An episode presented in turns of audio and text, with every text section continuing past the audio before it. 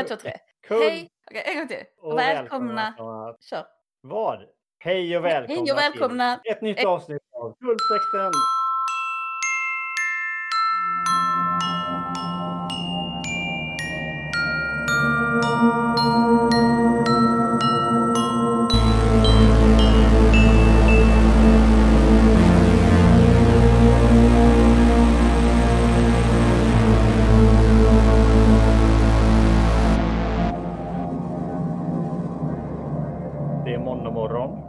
Ja, fy fan. Förmiddag, Mm.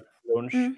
Eh, ganska intensiv helg. Men eh, det är någonting med eh, coronari, coronariet nu som gör att liksom veckodagen och helgerna flyter ändå ihop lite mer än de brukar göra. Så Varför har helgen varit intensiv? eh, på fredagen så hade jag en spelning med en krogknägare sånger. En livesänd inspelning utan publik så att säga. Och sen på eh, fredagen så gick jag ut med en kompis som ska flytta bort en sväng och sen på söndagen var det mors dag och då liksom härjade och firade lite grann. Och Mm. så har vi firat att jag har haft ett, eh, fått eh, enormt mycket pengar från Författarfonden också. Grattis, herregud. Alltså supergrattis, så himla bra, så himla värt, så himla rätt. Mm, Min, min bild av dig nu är att nu kan du göra vad du vill i tre år. Jag antar att du fortfarande har plikter, men jag ser det så. Ja, men jag måste nog också tänka att jag faktiskt ska göra något vettigt också. Eller så att säga. Ja, min men ibland vill man ju göra vettiga saker, eller? Du, vi Mm. kanske ska presentera oss också. Ah, igen, vi gjorde det förra gången. Jag tänker att vi kanske har någon ny lyssnare.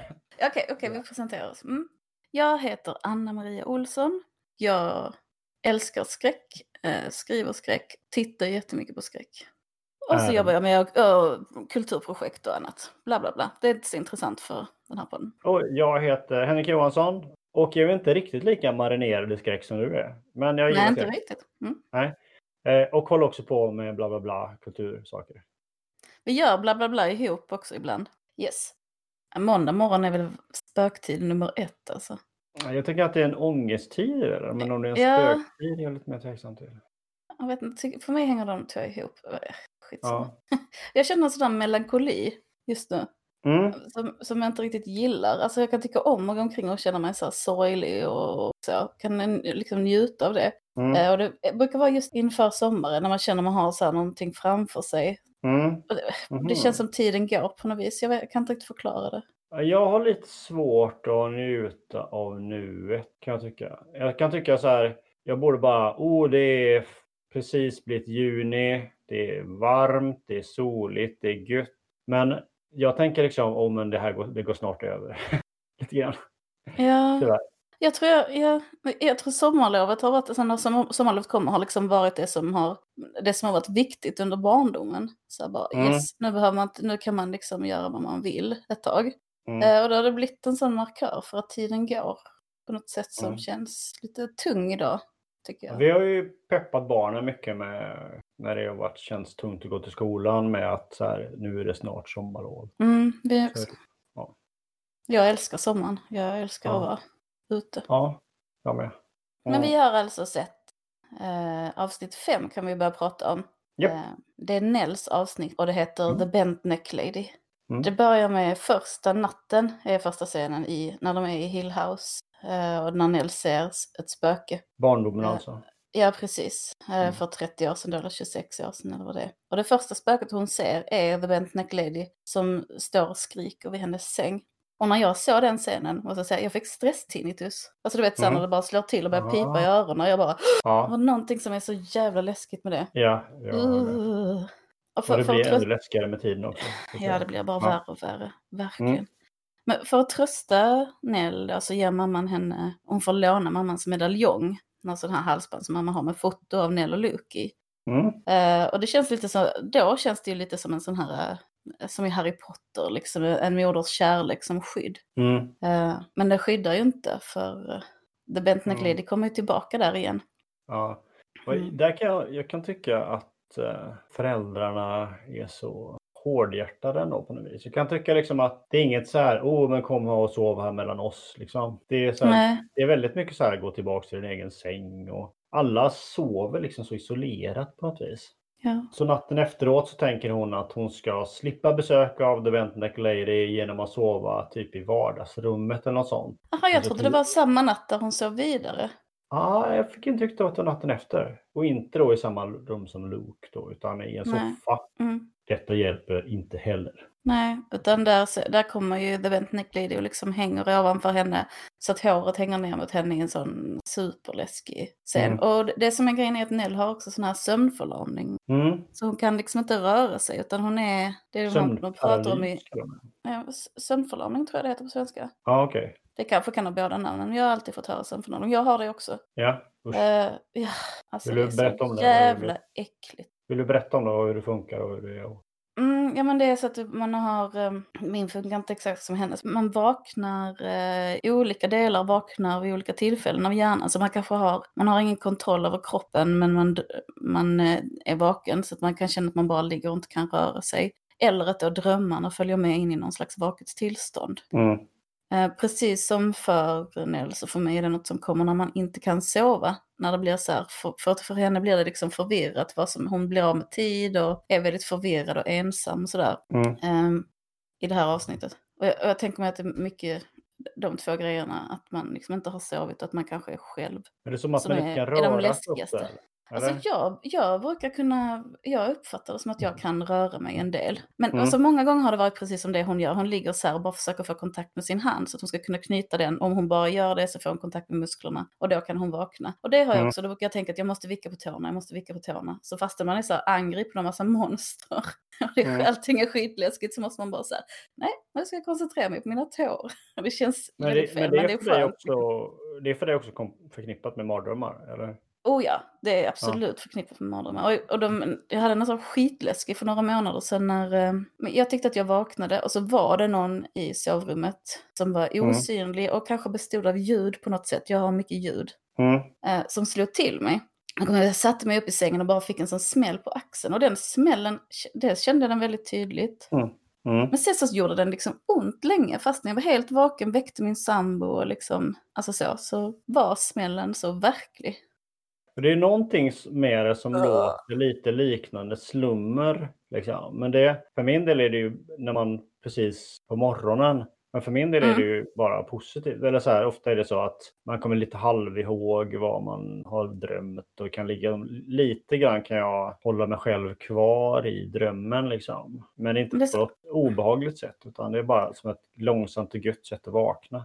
Ja men, ja, men det, har jag, det är någonting lite annat. Det tror jag att jag också har upplevt när man är liksom lite medveten om att man drömmer. Mm. Men det här är på något sätt tvärtom, att man är vaken och inte medveten om att man drömmer. Mm. Och så gäller det, jag brukade, jag brukar ha mycket sätt när jag skulle sova så låg jag och tänkte på olika sätt jag skulle kunna ta mig ur. Alltså i när det har det varit, det blir ju så att man vill gärna undvika sömn, vilket bara gör det värre, men det blir ju som en, det är för läskigt liksom. Men jag hade mycket så att jag liksom låg och föreställde mig skor jag skulle ha som jag kunde sparka hårt med och springa i och så här. Mm. Mm. Och sen kunde man bara titta ner på mina fötter och se de skorna eller snöra på mig de skorna. Då kunde jag försvara mig eller så. Ja, jag har haft lite olika trick. Men fan sist, man tycker så här, "Oj, ja men nu, nu börjar jag bli så gammal. Liksom, nu kan jag hantera sånt här. För det är ju skitläskigt när man är liten. Ja. Eh, men eh, jag vet inte. Det går Är det inte. liksom, finns både perioder på något vis eller är det fram Ja, ja, för, alltså, alltså för mig är det verkligen kopplat till eh, sömnlöshet. Ja, okej. Det som Ja. blir som ett konstigt tillstånd av vaken sömn. Alltså om du förstår, man är vaken så länge så att sömnen tar sig in i ens vaken Mm. tillstånd. Mm. Eh, mm. Det kan man med om Yes. ibland med barnen, att de tror att de inte har sovit. När de, fast som liksom, att de inte är lika klara över när de har sovit än när de inte har Mm, sovit. mm, ja, precis. Det är, och det är jättebra, det tycker jag. Så jag med många Ja. vuxna också, man bara, nu har det gått en timme, de bara, va? Mm. Det är så, Eh, Jag vilade bara ögonen. ja, men ja, precis. Man är ju inte självmedveten när man sover, eller när man drömmer på det sättet. Eller det är svårt att vara. Sen då Mm. i, vu- i vuxen ålder så, börjar, så träffar Nell för första gången en sömnterapeut. Och eh, hon har ju då träffat massa psykologer så här liksom. Och de har alltid pratat om det som ett, eh, så här, tittar du på tv när du går och lägger dig eller sånt där liksom. Men eh, han lyssnar ju och tar henne på allvar. Och det här terapeutiska samtalet övergår snart till flört Och, Inte så jävla bra kan jag tycka. Alltså, jag vet menar- inte vad, han, är, han, är, han heter Sleep Technologican eller något sånt. Tech, alltså inte Ja, technician men någonting i den ja, stilen. exakt. Alltså jag använder... Så han är inte eh, riktig terapeut liksom. Nej, jag, jag använder dem eh, översatta. eh, Ja, Liksom, Men men jag- han presenteras i, i svenska översättningen som sömnterapeut. Men han, det är exakt, Okej. han säger typ sleep technician eller sånt där. Ja. och, och det, i intervjun när de diskuterar eh, liksom olika så här, dricker du kaffe, laddi så missförstår hon det som att han frågar ut henne. Och då säger Mm. han bara, nej men jag hade tänkt fråga ut dig alldeles snart. Och jag vet inte om jag... Alltså fråga Alltså, alltså ut, men eh, vår, jag vet inte om du, ja. om man liksom kommer och söker vård någonstans. Nej, det är ju klart, Det är eh, jätteobehagligt man ska, egentligen. inte, man ska ju inte... Det är klart att det är ett eh, brott mot och- Ja, Ja, jag tror man har legitimerade sådana terapeutyrken så tror jag att det kan vara ett skäl att bli av med sin legitimation faktiskt. Säkert. säker. Men i alla fall, de, eh, de flyttar ihop och gifter sig och älskar varandra jättemycket. Han heter Arthur, den här, de Mm. Technologican, eller vad? Mm. Det var ett jättekonstigt ord. ja, ja. Och de är väldigt lyckliga, men sen en eh, kväll kommer The Bentneck Lady till deras lägenhet i deras sovrum och då dör Arthur. Mm, detta är jag lite förvånad över när det hände. Ja, och- Ja. Mm. Och det finns liksom ingen ordentlig förklaring. De säger aneurysm, eller hjärnblödning tror jag. Mm. Eller? Där har jag också bara följt översättningen som är artärbrock. Vilket är också är jävligt konstigt här. Men eh, jag är inte Ja, ja. läkare så vad vet jag liksom. Nej, det låter konstigt. Ett brock låter inte... Men skitsamma. Mm. Man får inte brock på artärerna, får man det? Man får väl brock Ja, liksom eh, på sina diskar. och det känns som... Ja, Alltså, skitsamma. åderbråck är ju... Åderbråck, ja är ju någonting annat. Alltså, Ja. men Mm. skitsamma. Han dör i alla fall. Och The Bentnick Lady är i hennes rum. Och det är ju eh, oerhört traumatiskt. Liksom, hon hade på något sätt klarat sig från Hill House, skapat ett eget liv, börjat hantera sina problem tillsammans med den här Arthur. Han kunde ju alltid hjälpa henne. Han hade ju kunskap om sömnförlamning. Liksom, så han Mm. kunde hjälpa henne varje gång och så. Men en central grej också tror jag är att när de har sitt första samtal att hon tycker liksom att det är äntligen någon som lyssnar på mig. Mm, Som inte bara säger nej det här är inget problem, det här finns inte utan hur ska vi hantera det här problemet som du har liksom och lyssna på vad hon har att säga. Och inte är, hon är ju tveksam till att säga vad hon ser när hon har sömnparalys, sömnförlamning. Mm. Men i och med att han, han är klar med att det är, folk ser allt möjligt konstigt ungefär. Liksom. En sak som är väldigt skön för henne är nog också att han har kunskap om det. Så Mm. att han vet, liksom, han behöver inte berätta hur jobbigt det är, utan han utgår från att det är skitjobbigt. Och, och att det är någonting som är svårt att leva med, inte bara... För att det, jag tror att många kan tänka sig, "Ja, men jag har också mardrömmar och mardrömmar är ju läskiga för alla liksom. Men det Mm. går ju över en gräns när det förhindrar en från att leva ett normalt liv, när det påverkar allting. Och han, han fattar väl den rädslan. Sen så får man i alla fall se Nell sitta hos en ny psykiatriker som hon har. Kände du igen honom? I, Dr. Montague, såg du vem det var? Vänta lite nu. Är det från Twin Peaks? Ja, det är Dr. Jacobi! Det är Dr. Jacobi? Ja, Oj, okej. så vad jävla coolt. underbart. Och Dr. Jacobi är ju liksom känd i hela världen och hela världshistorien för att, vara, för att han liksom är, på något sätt ändå manipulerar Laura till att konfrontera Killer Bob eller så här, oh, möt dina rädslor. Och samma Ja. sak gör ju Dr. Montague. Ja. Pr- för att de är liksom, man, man vet inte riktigt, är de Men- jävligt men du onda? har kollat så att det är samma Ja, story, liksom? ja, ja, det är ja. Rust, Rust Hamblin är det. Ja, suveränt. Eh, och det, jag gillar den rollen som fan, när man vet inte så här, är det här en, förstår han ondskan precis? Och försöker Ja. driva den här personen närmare ondskan för att han själv är en förövare? Eller Ja. är han bara en sån här jävligt bortskämd vit man som tror att, oh ja, men om du konfronterar dina rädslor så kommer du automatiskt att vinna för du har inbillat dig att det är farligt. Ingenting Ja. är farligt egentligen. Alltså sådär, det finns Ja, också en och- sån ganska stark bild bland, i, den, i övre vit medelklass och så att Ja. inga faror är verkliga. Men också att, att man har liksom ett schema som man följer. Som alla ska bara trycka sig in i. Mm, ja men exakt. Att man kan, ja, precis. Eh, så det som är väldigt roligt med den här Ross Tamblin också, han eh, var med och spelade in filmen The Haunting som är baserad på samma bok 1963. Oh, Så han han är liksom, eh, ganska gammal nu. ja, han är nog några år. Ja. Mm. Men det är så många lager i det, för där spelade han också någon som en arvinge till Hill House med en sån ond själ. Mm. Jag, jag, jag, jag blev jätteglad när jag såg att det var han. Jag blev helt så Ja, ja. hoppade i Shit, soffan. roligt. Ja. Yes, yes, Eh, yes. Ja, Jag, jag tänkte liksom att så här, jag kände igen honom men liksom forskade inte i det vidare. Liksom. Så att, ja, vi, alltså, vi kanske skulle se Twin Peaks så småningom. Vad säger du? Jag tycker att vi ska se Fire Walk With Me. den filmen. Mm. Den är mer ska- skräckig också. Jag vill Ja. jättegärna se FCA, men det är tre säsonger och jag vet inte om man skulle välja ut vissa. Alltså du vet, Alltså vi kan ju inte, exakt, vi kan ju inte låta podden hamna om Twin Peaks ett år liksom. Det blir lite... eller två. men Fire Walk With Me är min, jag tror Mm. det är min Mm. älsklingsfilm i världen. Ja, ja, ja, jo, men det har jag förstått. Ja. Så den vill jag gärna prata om någon gång. Det är också uppenbart att till exempel Theo, som vi själv är, är en psykiatriker, psykolog, jag En barnpsykolog. Mm. eh, hon tycker ju att han är en kvacksalvare liksom. Och, Mm, hon säger det flera gånger. Och ja, det är en sak som provocerar mig väldigt mycket i filmens bemötande av Nell runt det här och när hon pratar om, för att hon är ju hemsökt av The Bentnick Lady genom hela sitt Ja. liv. Det, det är att de, de, frågar, de frågar aldrig så här, hur är det med dig, vad ser du, hur hanterar du det? Utan de frågar alltid så här, hur är din behandlare? Tar Mm. du dina mediciner? Alltså, ja. Tar du dina sätt- mediciner är ju, har frågats i det avsnittet kanske tio gånger liksom. Ja, och hon bara, ja, jag tar mina mediciner. Men det är ju Dr. Jacobi som bestämmer hennes mediciner, så det är ju bara Mm. saker värre. Ja. Det är också Nell som kör Luke till behandlingshemmet får man se i detta avsnittet. Och att hon, försöker, hon köper heroin till honom på vägen där. För Mm. han säger att han behöver knark. Och så säger han så här, om jag bara får bli hög så kommer jag att lyssna på dig. Du vet att jag tror på dig. Och hon, Mm. precis som Luke, är så desperat efter att få sin verklighet bekräftad. Så hon gör ju vad som helst. Så hon, hon går och köper Exakt. heroin. Ja. Det är otroligt sorgligt. Det är en väldigt sorglig scen. Ja, Och i slutet Sen- ser hon Bentnick Lady. Ja, när han precis. sitter och initierar. Ja, det är så här vindrutetorkarna går på bilen, det ösregnar och så är det, ser man inte henne riktigt när rutan är blöt och sen så torkar den så ser man henne skittydligt. Ja, där kan, jag har ju tidigare Ja, kritiserat Lukes, han är så välvårdad och stilig efter sina år på gatan och så, Ja. under heroinet. Men det Ja. kan jag uppskatta att han eh, injicerar i foten faktiskt. Mm. Vilket Mm. liksom är ett sätt att antyda att hans armar är sönderstuckna. Liksom. Att man får vara lite kreativ efter ett tag. Och Nell berättar också för Dr. Jacobi, Dr. Montague. Jag satt och googlade Jacobi och Montague och funderade på om det var så någon slags monsterduo någonstans, Mm. men jag hittade ingenting. Hon berättar att hon känner Lukes abstinens på hemmet och sen känner när han börjar må bättre. Ja. Men det är ju ingen som, det är ju ingen som tror på någonting Nell säger, så det är ingen som tror på det. Han tror Nej. inte på det heller.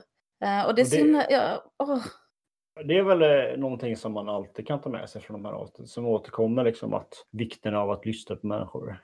Liksom, Mm. och det, då speciellt, det är en av Nells stora trauma, är ju inte bara The Ventneck Lady utan att det är aldrig någon som tror på en, aldrig någon som hör på en, aldrig någon som lyssnar. Men vet du hur jag tjatar om att man behöver få sin verklighet speglad? Att det är en Ja, viktig del. Ja, jag tror att det är ju så man är med om, om mycket konstiga saker som människor inte förstår automatiskt. Så Mm. blir det aldrig speglat och då blir man så himla ensam till slut. Så det är svårt att, svårt att överleva för många tror jag. ja. Men sen är det intressant där så att säga med konstigheterna. Och nu, nu hoppar jag framåt en bit bara för att Mm. vi följer temat. Men Ja, ja, under men det- Nells vaka i nästa avsnitt så är de ju där Ja. en majoritet som vet att de här grejerna finns. Alltså det är pappan, det är Theo, det är Luke som Mm. alla har sett och är övertygade om att det finns spöken. Och de är ändå i majoritet mot Cheryl och Steven då liksom. Men det är Mm. ändå så att eftersom de vet att deras verklighet inte är accepterad så kan de ändå inte ha tolkningsföreträde. Nej, precis. Och de kan aldrig hävda, peka på den på något självklart sätt eller hävda den. Utan istället är det ju Steven som så bara, åh varför vägrar ni erkänna att psykisk sjukdom går i familjen? Mm. Och så här. Det är ju hans Sam- sanning som är den... Samtidigt som man själv börjar se spöken. Ja, ja, ja samtidigt, ja precis. Och, och då tänker att han är, är psykiskt sjuk själv. Men samtidigt så måste han ju förstå att det är mer än så. Men ja, Men det är spännande. Efter nya terapeuterna Tjokim och så finns det en scen där hon hittar en teservis i, som barn med en stjärnkopp. Och Jag vet inte om du, har du någonting att tänk, tankar om det? Jag tycker det är ganska, stjärnkoppen återkommer liksom. Men Ja, de kallar det Your Cup of Stars. Och var, där Ja. tycker jag att Mrs. Dudley. Dudley heter hon ja. Vilket Eh, det, hon- vilket alltid får mig att tänka på Harry Potter. Liksom Ja, bara, ja, men han mm. heter ju Dudley, sonen där. Ja. Mm. Men hon säger att oh, den tillhörde, nu ska vi se, jag skrev upp namnet, inte Hazel, Hazel är den hon vårdade. Jacqueline Hill tror jag. Jacqueline Hill tillhörde den, ja, just det. Mrs Dudley hade, någon hade sagt till Jacqueline att you have to have your cup of stars. Och snart kommer folk tvinga dig att bli normal och vara som alla Mm. andra. Så passa på att njuta av din stjärnkopp. Mm. Du har rätt till det. Precis som att det var en del av, av en livlig fantasi eller en förmåga att se spöken. Eller något Mm. sånt. Mm. Det är jättefint. Men- Och hon frågar också Nell, var hittade du den? Och så svarar Nell, in the toy room. Och Mrs Mm. Dudley bara säger, var? Men sen frågar ingen mer om det och det lämnas i luften. Mm. Precis som det Mm. hela tiden är sådana små, små saker att ingen... eh, Folk pratar med barnen men de lyssnar inte på svaren, de följer inte upp dem. Mm. Det är väldigt intressant. Och det det här är ju... När hon ska visa upp sin kopp för mamma så är mamma skitsur för att hon tror Mm. att Nell har skrivit på väggen med krita. Mm. Men Det egentligen- står Nell. Ja. Och så, står, och så river man bort en bit av tapeten så förstår man att det inte är hon som har skrivit utan det står Come home Nell. Och det står, det är Theo som river, river tapeten va? För hon, de får eh, argt i uppdrag då att städa bort det. Och sen i slutet av avsnittet så står mamman där, för att avsnittet slutar i Hill House när eh, eh, Nell dör. Och då står mamman där och river bort lite till av tapeten och så står det Mm. Welcome come home Nell istället. Just det. Åh, jag får gåshud. Det är så jävla Ja. äckligt. Ja, det är sjukt läskigt. Ja.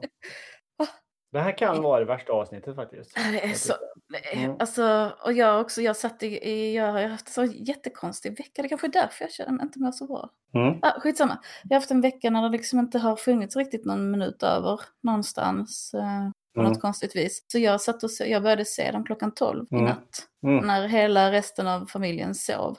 Eh, och det var Mm. helt mörkt och det var folk som rörde sig ute på gatan utanför dörren och väsnade. Så det var så fruktansvärt äckligt. Alltså jag var, Mhm. jag var jätte, jätterädd. Ja.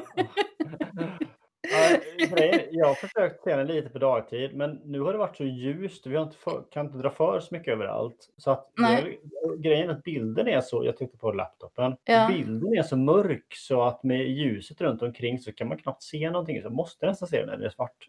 Mm. Ja. Jag Det verkar inte som att du följer översättningen lika mycket som jag gör, utan mer är bättre på engelska. Eh, Men jag läser översättningen och och lyssnar ju samtidigt. Och en grej Mm. som terapeuten säger, där jag missnöjd med översättningen, Mm. är att han säger på engelska att huset, så här, det är inget verkligt att vara rädd för. Det är bara a carcass in the woods. Och det översätts till att det är ett ruckel i huset. ja. Men problemet med översättningen till ett ruckel är att ett carcass är ett lik liksom. Mm, ja, det är helt rätt. Men det är Ja. mycket med, med de här alltså Netflix-översättningarna som inte fungerar. Jag tycker man ska vara... Alltså jag menar, sa- samma med Arthur, hans, eh, hans agerande ifall han hade varit en sömnterapeut hade ju varit mycket värre. Mm. Än om han bara var en som snabbt hämtar in information och sen slussar någon vidare till behandling. Ja, Liksom. ja. Alltså det är mycket sånt som är, det är förvirrande. Men, Men, men, ja. eh, men man kan väl, hon tar ju terapeutens ord eh, och då kanske sin egen till att en anledning till att konfrontera Steven på en av hans boksigneringar. Du tror att eh, du tror inte ens på de här grejerna själv och ändå står du här och tjänar pengar på dem och lurar andra att du tror det liksom. Medan mig kallar du galning. Och han, han bara, vad fan håller du på med? Har du tagit dina mediciner? Mm. det är så jävla taskigt. Ja, det verkligen. så, han svarar inte på hennes fråga. Det är, så just det, du säger att vi är galna och sen så säljer du historierna fast du inte tror mig. Varför gör du så?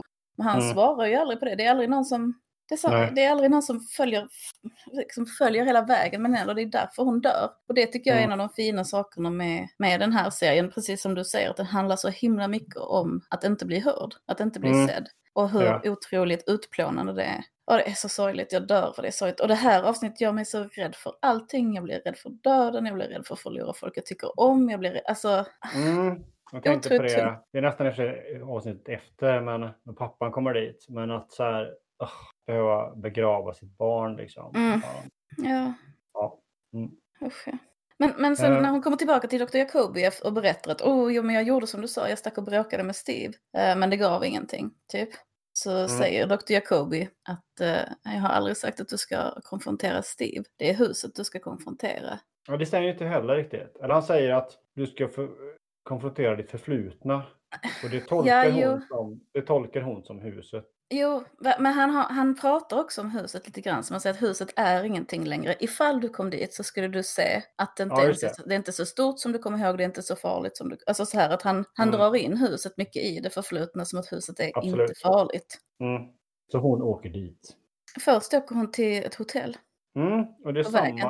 eller motell kan vi kalla det kanske. Ja, just det. Ja. Jag tycker det är lite amerikansk grej där som jag tycker är lite lustig på något vis. De här hotellen. Ja, men just att de inte är sådana här hotell som ligger inne i städer och har flera våningar utan det är de här motellaktiga grejerna. Liksom, om man, kör, om man kör i Skåne, om man kör österut, vad fan heter den rastplatsen? Där är lite jätter, vet du vad jag menar? Om man Nej. kör mot Kristianstad. Ja, men det är kanske tre mil utanför Malmö, två mil utanför Malmö. Där finns ett sånt motell. Mhm, På en, ra- mm. en rastplats vid motorvägen. Det är små eh, nedgångna stugor med nummer på som man kan hyra. Mm, ja. Till nästa gång har jag kollat upp det.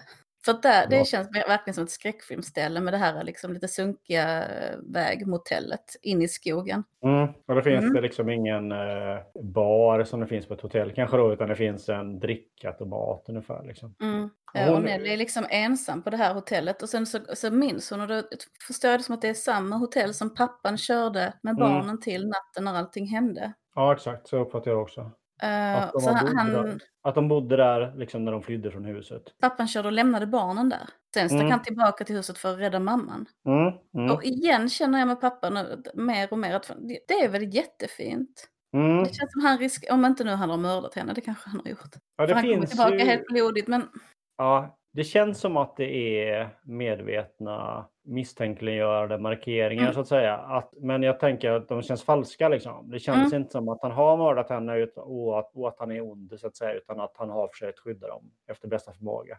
Ja, och just det tycker jag är väldigt... Alltså om man inte har någon, om de, de har liksom ingen där, de, de kanske kunde åkt till Dudleys i och för sig. Eller tagit med Dudleys, de skulle ju haft någon vuxen där, barnen. Men om Mm. man inte har någon, att sätta syskonen tillsammans i ett rum i säkerhet och sen försöka ta sig an monstret och rädda sin fru. Det är ju det, det tycker jag var jättefint, jättebra. Mycket bättre Ja. än att ha barnen med i det. Nej, exakt. Det är, försöka hålla på, kolla på fem ungar medan de slåss mot en monster. Nej, men det vill man ju slippa. Ja. Mm. men men han, han lämnar barnen där och sen kommer han tillbaka igen på morgonen och då har han också ringt efter polisen. För han Mm. vill att polisen ska komma och hämta honom. Så att, Mm. eh, efter det så får barnen bo med tant Janet då, pappans syster tror jag det. Som vi egentligen vet ganska lite om förutom att det verkar som att hon är osympatisk på något vis. Att de vill inte till henne och de gillar inte henne. I mina Nej, men hon, hon verkar ju mest bara vara tråkig och inte en Ja. förälder. Hon verkar inte ha, alltså hon, det de berättar om henne är ju ändå att hon har varit, det är ju att hon har varit sträng men normalsträng och de har ändå fått Ja, göra nej, det är, liksom. mm, det är inte Ja. ni Bent Lady kommer sitta barnvakt åt er liksom. En sak faktiskt som händer på hotellet som jag tycker är skitläskig också är att de frågar så vad hände och så säger Luke, men vi hade teparty in the red room. Abigail, jag, mamma och Nell. Och så Mm. Nell bara, that wasn't mommy. Vem fan var det som såg ut som deras mamma som var i deras hem? Det är så jävla äckligt. Ja. Låt mig bara titta på mina anteckningar några sekunder. Mm. Är- när hon liksom är vilse eller försvunnen, är det när det är nästa avsnitt? Det är nästa avsnitt ja. Ah, Okej, men då skiter vi hoppar Men vi. eh, det som också händer är att, eh, det är en sån skitäcklig scen också, att Nell går och ska köpa en läsk eller en flaska vatten. Mm. Hon är mycket i det här sömnförlamningstillståndet på hotellet. Tid, alltså hon tittar på klockan och den rör sig, det är inte riktigt som det borde med den. Alltså tiden går, det går rätt så mycket tid. Vid ett tillfälle har det gått 11 timmar utan att man riktigt fattar hur och sånt. Mm. Eh, Så att hon är ju in och ut i sömn på grund av att hon har varit vaken för länge. Och när hon ska köpa vatten, då slocknar alla lamporna. Och sen kommer The Bent Neck Lady, bara i en sån Mm. riktig jump scare som är så jävla obehaglig. Hon bara dimper ner framför henne i luften och bara liksom faller ner på något vis och hänger i luften på ett Mm. sätt som är så sjukt äckligt alltså. Verkligen. Åh, och jag tyckte jag såg The Bent Neck Lady i hallen sen hela tiden. Oh. Okej, ja. Och sen också själv trött och mitt på natten och ögonen spelar en spratt. Åh, det var så äckligt. Ja, men sen åker hon och så är lamporna tända i, i Hill House, precis som Hon går in eh, och liksom där får vi, där, där scenerna klipps mellan att hon är själv där i verkligheten men också hennes upplevelse av att träffa Mm. hela familjen där, först barnen och sen som vuxna, Arthur är tillbaks, föräldrarna är där liksom. Men hon, där, och de säger allt hon vill höra. Det är så här, tack och förlåt och ja, men så här, vi, vi har alltid trott på dig, vi har alltid lyssnat så här, och, och sådana saker. Och det, är, och det är så grymt bra för henne liksom.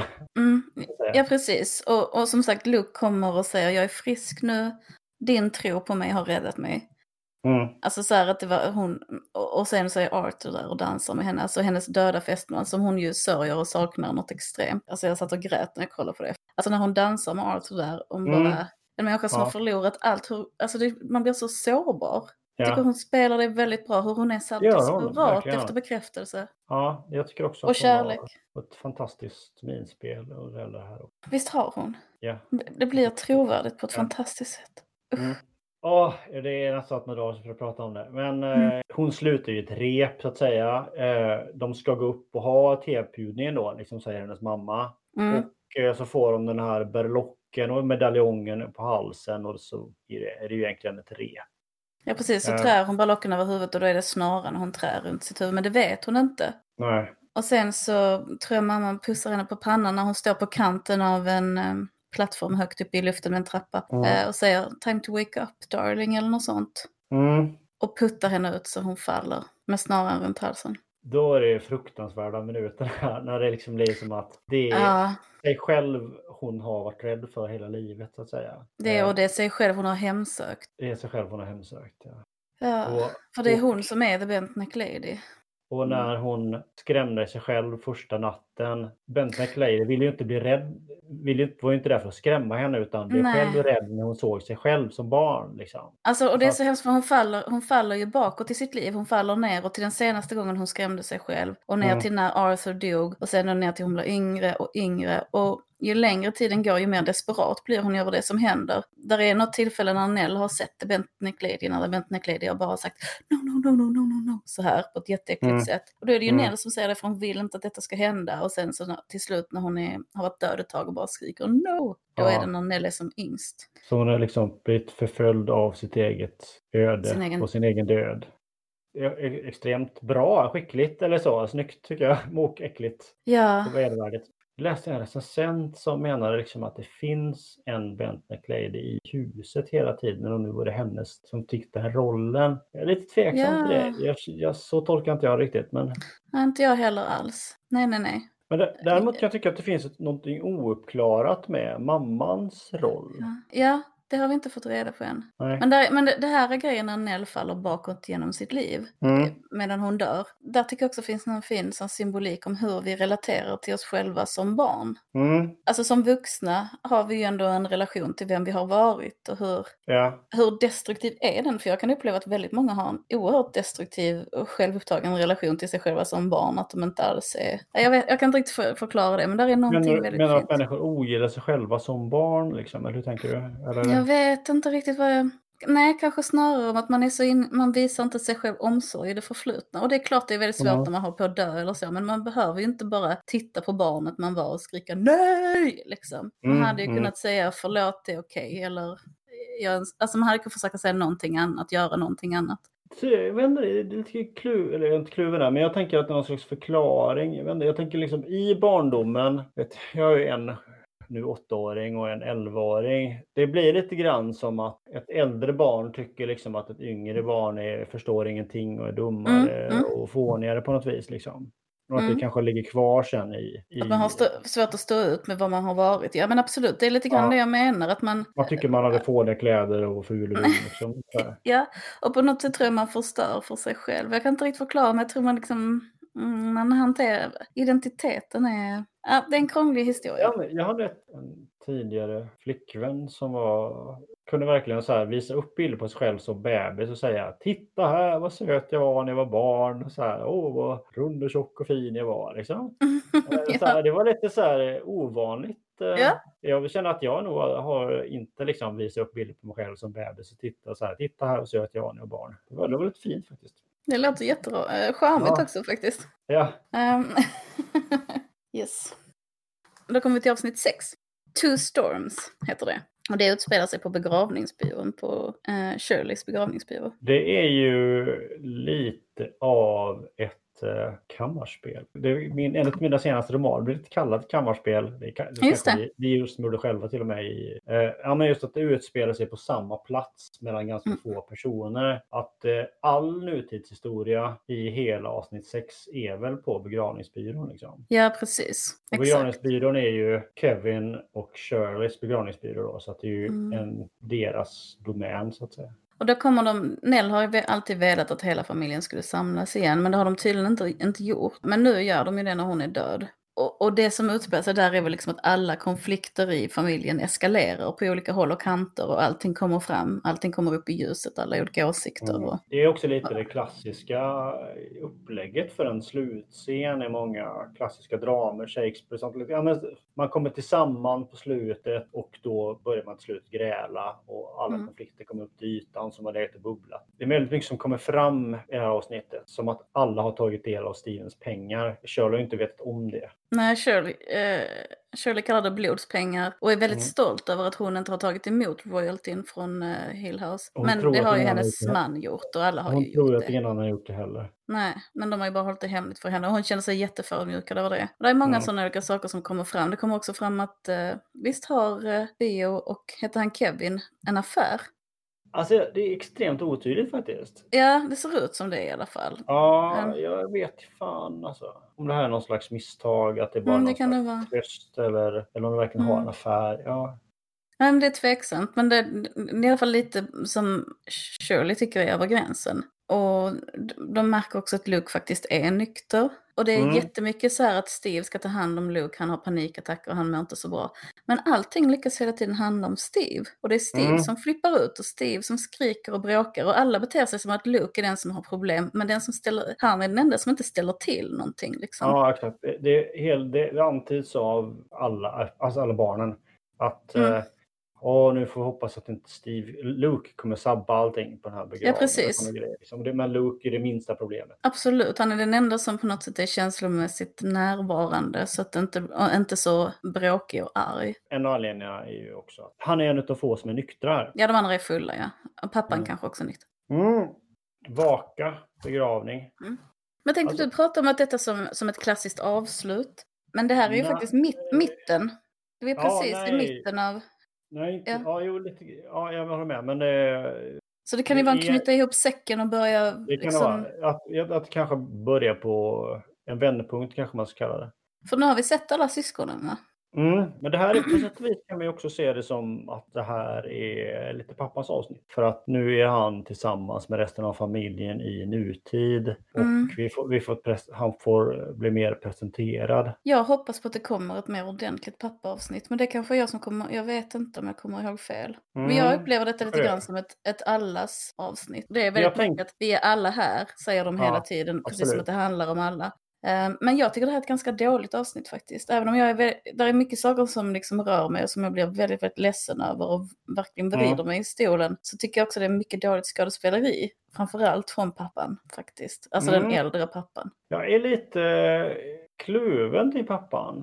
eh, Den Mm. äldre pappan. Han, Mm. En sak som jag kan tycka att jag gillar är att han är så extremt luttrad så att säga över att Mm. se. Han typ visar ingen sorg nästan och det är kast tycker jag. Men eh, däremot att han att det är så all, det är nästan som att det är alldagligt för honom att se spöken. Att titta på ett, ett av sina vuxna barn och se barnet. Liksom. Och, och han ser, ser ju också vid något tillfälle Nell som the bent neck lady. Och Mm. hon står och säger så här, daddy liksom. Och han Mm. tittar på henne och säger bara, åh Nell.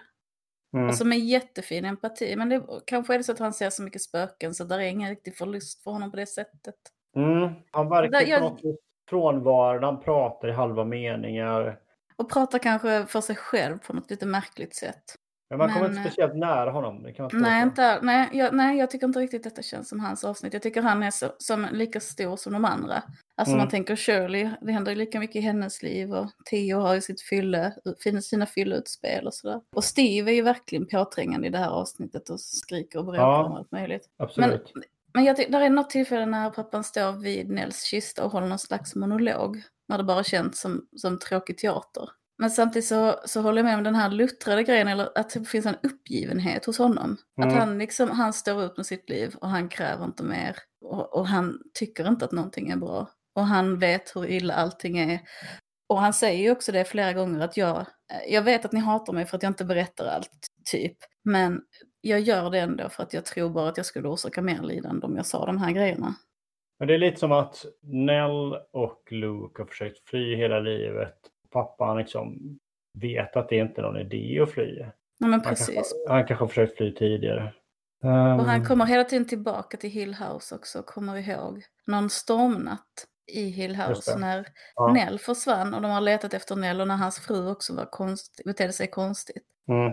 Och det här när Nell hade försvunnit, det är ju också så hemskt. Hon hade ju inte försvunnit. Hon sa att hon var där hela tiden men alla bara sprang omkring och letade efter henne. Ingen kunde se henne. Hon kan se henne, ingen kunde höra henne fast hon skrek och grät. Liksom. Mm. Och det är ju samma nu som The Bent Neck Lady står hon liksom utanför. Ingen Ja, ser och- henne, ingen hör sam- henne. och samtidigt som hon också är så här ingen lyssnar eller ingen hör. Det är återkommande på det sättet. Men pappan Ja. ser det på något sätt. Men jag, fick, jag tyckte det här avsnittet var jättejobbigt. Jag tänkte på alla förluster man har, som liksom finns i ett liv. Som man har framför sig och bakom sig. Mm. Mm. Men det är verkligen ett avsnitt om...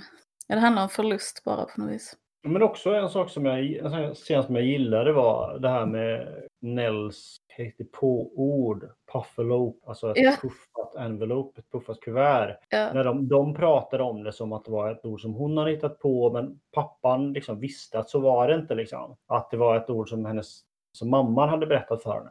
Eh, Mm. Och som de hade tillsammans. Jag, jag känner igen det här någon gång från att jag och mina syskon tror jag har pratat barndomsminnen och så har liksom någon av våra föräldrar kommit in lite grann att så här, nej fast det var så här och så här och då har liksom det tagit bort en del mystik och minne utan så här, att de hade mycket mer insikt i det, liksom vad som egentligen hade hänt till exempel. Ja, men jag tycker detta är ett konstigt avsnitt. Jag får också lite klaustrofobi. Det, det utspelar sig bara i Hill House i minnet och sen då i, på den här begravningsbyrån. Mm. I, och inte ens i hela huset utan bara i kapelldelen med kistan. Mm. Det är det som jag, jag får också en del frågeställningar kring eh, amerikanska begravningar.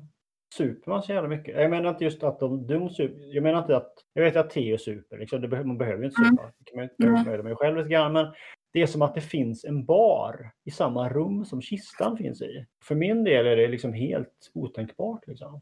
Men Jag jag, tror, förstår tror att det är, Shirleys, alltså det är ju inte begravningen, det är kvällen innan begravningen. Mm. Och det är väl bara, alltså det känns ju rätt så inofficiellt. Fast varför Ja. dricker man fram sprit? Liksom? Ja, men det, var nog, det verkar ju vara Shirleys mans grej. Bara, Ja. vill ha en drink? Vill du ha en drink? Och Theo bara, han blir betjänt eller han blir servitör när det är kris. Bara Mm. jättesur. Eh, Det var delvis det här avsnittet men också en grej som hände i helgen fick mig att relatera till ett barndomsminne. Det Mm. var en singelolycka längre upp i landet där fyra stycken 16-åringar körde ihjäl sig. Mm, ja, jag vet.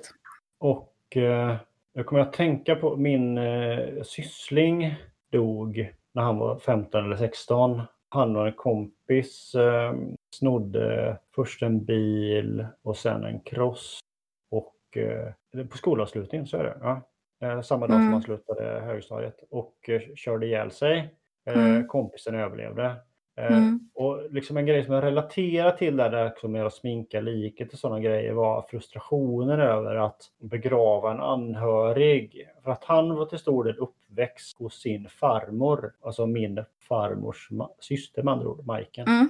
Mm. Och eh, som många liksom, äldre kvinnor på landsbygden, eh, upp- här uppe i Bohuslän, så hade hon ju liksom inte körkort.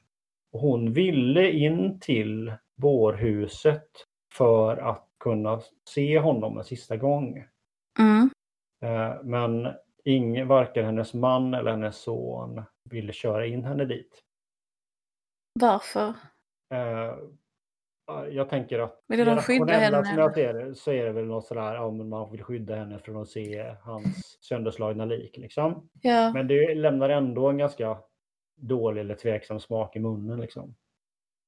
Alltså det är, en, det är väl ändå hennes beslut. Ja, jag kan också tycka Det det. var jättekonstigt att fatta det beslutet åt henne genom att vägra ställa upp. Ja, så att Sen hon- kanske de var inne i sin sorg och så, men Så Det är ju hon, verkligen hade, hennes beslut. hon hade ju uppfostrat honom till väldigt stor del. Henne, Mm. han, eh, föräldrarna hade inte kunnat, hade inte haft möjlighet att ta hand om honom på det sättet hela. Liksom. Nej. Eh, själv minns, jag var liksom typ sex eller sju när han dog bara, så jag har inget ganska lite minne av honom. Men var du så liten? Jag trodde du var äldre än honom. Äldre än honom? Nej, nej. nej. Mm. Jag vet inte om de berättade att han dog för oss överhuvudtaget. Så att jag, vi var aldrig med på begravningen och sådana grejer. Jag vet att hon på något vis bröt ihop under eh, begravningen också. Men gud, det kan man ja. Ja. Nej men det är jättetråkigt, det är verkligen. Varför tänkte du på det i relation till det här avsnittet? Eller är det i relation till det här avsnittet som du tänkte på Ja, men till exempel att, din papp- släkting? att, att pappan liksom går fram mot en kista där dot, hans dotter ligger, liksom, hans yngsta Ja. dotter ligger. Och Mm. när han kommer fram till kistan så ser han ju Nell som barn ligga i kistan. Ehm, Gör han? ja. Ha. Mm. Och det är väldigt mycket så att han, hans medvetande vandrar ju mellan både dåtid, han kommer in och ser syskonskaran, först som barn, sen som vuxna. Och han, men han verkar också liksom ganska så obrydd eller uppgiven eller vad man ska säga. Flasha fram och tillbaka till Hill House. Mm. När han går vilse lite grann på väg till toaletten någon gång så hamnar han i korridorerna i Hill House. Och han är inte alls desperat eller Mm. någonting. Utan han bara går där och liksom ja, står ut. Stoiskt. Där är något, det är något väldigt fint i det hur han spelar, spelar det här och har levt med någonting fruktansvärt länge. Mm. Eh, och liksom inte, eh, acceptera att det inte finns någon utväg. Ja, jag, jag tror att vi pratade om att du tyckte att det var ett eh, svagt avsnitt. Jag tänker att kanske en anledning till det är att det handlar så mycket om pengakonflikten. Mm. Som även om den är liksom på något vis väldigt viktig för de inblandade, för Shirley, och det är den som får sitt utlopp liksom här, så Mm. känner man ju som tittare att det viktigaste är liksom inte vart Steves pengar tar vägen. Eller hur? Alltså det Nej. viktigaste är ju på något vis om man överlever eller inte och Mm. huset och sånt. Ja, ja, Jag, ja. men jag kan känna att nu att jag börjar bli jävligt sugen på att veta mer om vad som har hänt i huset egentligen eller innan den här familjen flyttade dit. Jag vill liksom Mm. veta mer om familjen Hill, om Mm. Jacqueline, om Hazel och vad som hände. Hände någonting hemskt med det här eh, botläggeri, hembrännandet Mm. och sånt? Mm. Liksom. Vill du ha liksom mer info om? Jag tycker det är väldigt skönt när man känner så här nyfikenhet när man ser en serie, när man hela tiden Mm. bara så, oh, vill veta mer och mer och mer. Ja. Det, det är ett jättebra betyg till en serie. Men sen så kommer den här scenen när de, eh, bråket eskalerar. Vad är det de bråkar om då? Jag ska titta i mina... Ja men just det, det är så att eh, Steven vill att pappan ska säga sanningen om vad som hände den där natten Mm. i Hill House. Mm. Eh, och pappan pratar om spöken och Steve flippar ut, för det är den andra konflikten som pågår här, om vad är verkligt liksom. Mm. Eh, och Steve bara, det är du som är spöket, säger han till pappan. Liksom, Mm. helt så här, jättearg. De skriker och bråkar, eh, det eskalerar. Och sen trillar eh, Nels kista. Ja. Jag, Jag jag, jag tror nästan att, du vet den här, är det, vad heter filmen, eh, där är med Tom Cruise Jack Nicholson, där den ena är så här, Ja, Jag you can't ja. handle the truth. ja, jag tror nästan att liksom, Jack Nicholson skriker, ju- så här, du vill ha sanningen, men du kan så här, you say you want the truth, you can't handle the truth. Liksom, det var Ja. nästan så att du väntade på att farsan skulle skrika det till Steven. Liksom. Ja, men pappan, är- när Steve är, konf- Steven är konfrontativ så är han väldigt så här bara, you want to get into this now. Alltså att han är Mm. lite så här bara, åh, det här är ju, ja. Och sen så, Ja. jag tycker pappan är ganska tydlig med att han har liksom inte hållit något hemligt för att han skäms eller för att han, Mm. alltså han vill bara göra det så lätt som möjligt för alla och då är sanningen inte något som gör det lättare. Och sen vet han ju också att det är ju ingen idé att han berättar sanningen för Steven. För Mm. för- sanningen är ju, sanningen är, det finns massa sjuka läskiga monster i Hill House och de tror ändå inte Steven på. Nej, precis. Nej. Men också, det är också en big deal i det. Men det är fint hur Luke och pappan pratar om, Faktiskt. Jag om skräcken, att de bara så här äh, hänvisar till det som att... Du vet att- att, liksom, ja. Du vet också, har eller fått- hur? Liksom. Ja, för att plötsligt har det dykt upp knappar på Nels ögon och sen så, "Åh, vem gjorde det? Och de är jättearga. För man lägger ju, man ju mynt på folks ögon Mm. och skulle ha till färgkarlen. Som tog dem Mm. över floden Styx typ. Ja. Men, ehm, men när Nels samlade på knappar så har de där knappar istället. Och det ser väldigt äckligt ut. Det är liksom bra valda Mm. knappar. Mm. creepy.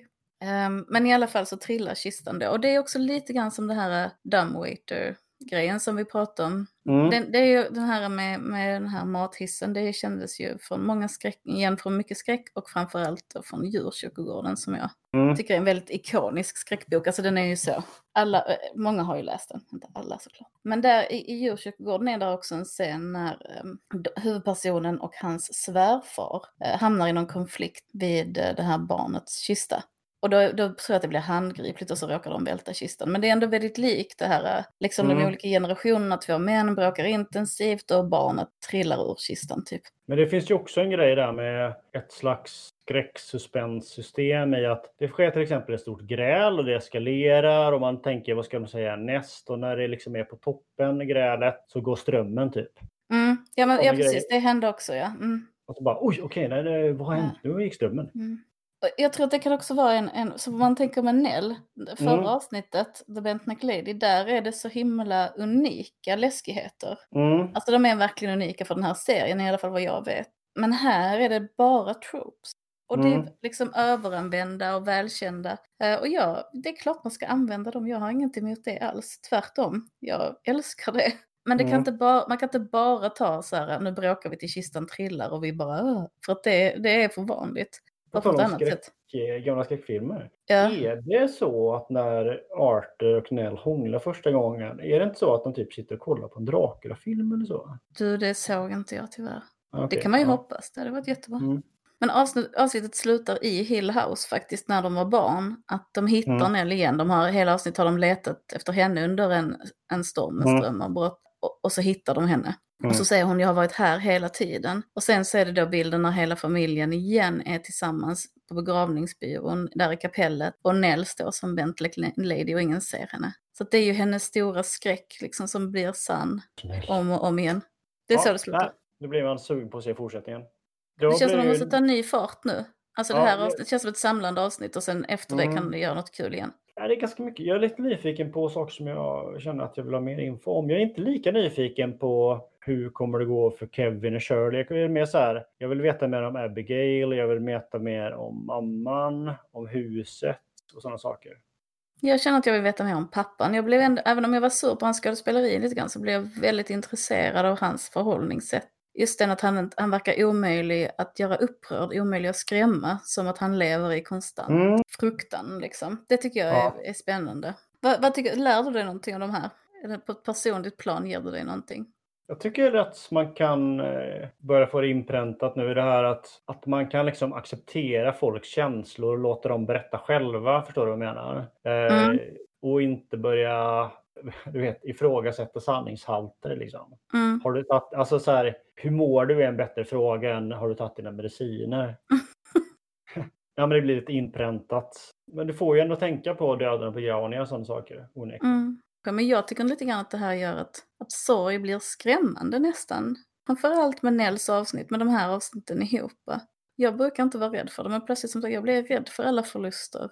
Ja okej. Ja, Men, fast men kanske mest i ja, framtiden, inte i det förflutna. Ja. För där kan jag ändå känna att där, är man där, var det som det var. Liksom. Oj, Men det, jag kan väl också tänka att man kan lära sig i så fall om man ska vara sån att hur de olika människorna hanterar sorg. Att Mm. där är ju Shirley, det är ju hennes jobb, men hon är ju extremt proffsig. Vi kanske inte ska supa så mycket. Mm. Och när pappan börjar så här, förlåt att jag avbryter samtalet, jag tänkte gå och se Nell nu. Och det, så bara, "Men det, är- det är därför vi är här. Och om man inte vill behöver man inte gå fram, det är liksom frivilligt. Hon klarar sig jättebra själv i sin kista. Och Steven börjar säga så, jupp, det är hon, jupp, hon är död, identifierad, död, jupp, jupp. Och han kommer Ja. fram till kistan och sen får han en ångestattack och sen går han och sätter sig och skäms jättemycket såklart. För att, Ja, visst. eh, och då kommer hon också så här, bara, jo, men det är helt okej, vi reagerar, jag bytte alla glödlampor för att jag var rädd att jag inte skulle ha tid att byta dem. Ja, och. Theo är ju Theo är också ganska mycket ett rövhål hela Ja. avsnittet. Liksom. Hon beter sig illa.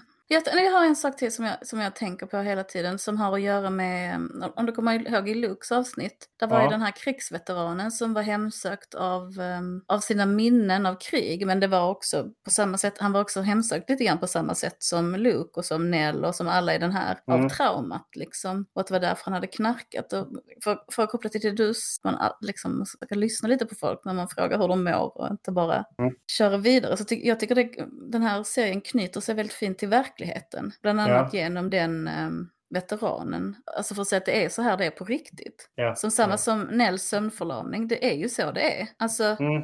Att man inte vet hur människor bär på till exempel. nej, men också, nej precis. Men också att trauma och hemska minnen lever liksom med en och spökar i alla möjliga människors liv på alla möjliga olika sätt. Ja, det är väl det Mm. du menar. Ja.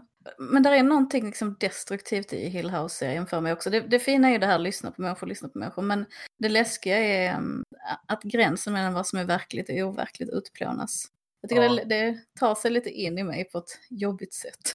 Det är någonting med Nell där som, som bryter så att säga egentligen med en spöklogik. Ja. Och det är ju bra liksom, för att man bryt, bryter mot en standardskräckupplevelsen. Och det, det är också bra att man får se det ur spökets, alltså Nell är spöket, man får se det ur hennes synvinkel, man får komma henne jättenära. Mm. Ja, exakt. Och det tycker jag gör det, för att hon är fortfarande ett jätteläskigt spöke. Samtidigt som, som hon också är en karaktär som man bara känner sympati för. Och det tycker jag är en jättejobbig så inre motsättning. Ja. För man har ju gått här i fem avsnitt och liksom tänkt att The Bent Lady är ju hemsk person så att säga. Mm. Nej, hemsk person. det- Ja, du förstår vad jag menar. Vad ska vi göra nästa gång då? Ska vi se avsnitt 7 och 8? Nej, det ska vi inte. Nej, vi ska ta in vår världshistoriens första gäst har vi tänkt. Han Hank heter han som driver Eskapisk. Ex, Eskapix. Ex- Inte pisk, Någon skräcknovellförlag, det det? skräcknoveller och förlag. ja. Han får berätta själv. Men det Mm. kommer i alla fall ut första numret i slutet av sommaren och det tycker jag är kul och det är roligt att han ska vara med. Och då ska vi se Carrie. ja, Det känns Mm. jättekul. nu fick jag hålla mig från att göra hajen-ljud här. Men för det, Ja. Om vi ska ha carry-ljus, det är snarare, snarare Oj, som att det brinner alltså. Jaha, ja, eller grisarna, eller kanske bara i boken. Jag läste boken igen för inte så länge sedan faktiskt. Det var mindre än ett år Ja. sedan i alla fall. Så det Eh, känns ju kul och jag ser jättemycket fram emot att se den filmen. mm, det blir mycket roligt. Jag tycker vi ska säga hej då ordentligt. Det gör vi. Ska vi säga räkna till tre och sen skrika hej då lite? Okej. Ett, två, tre. Hej då!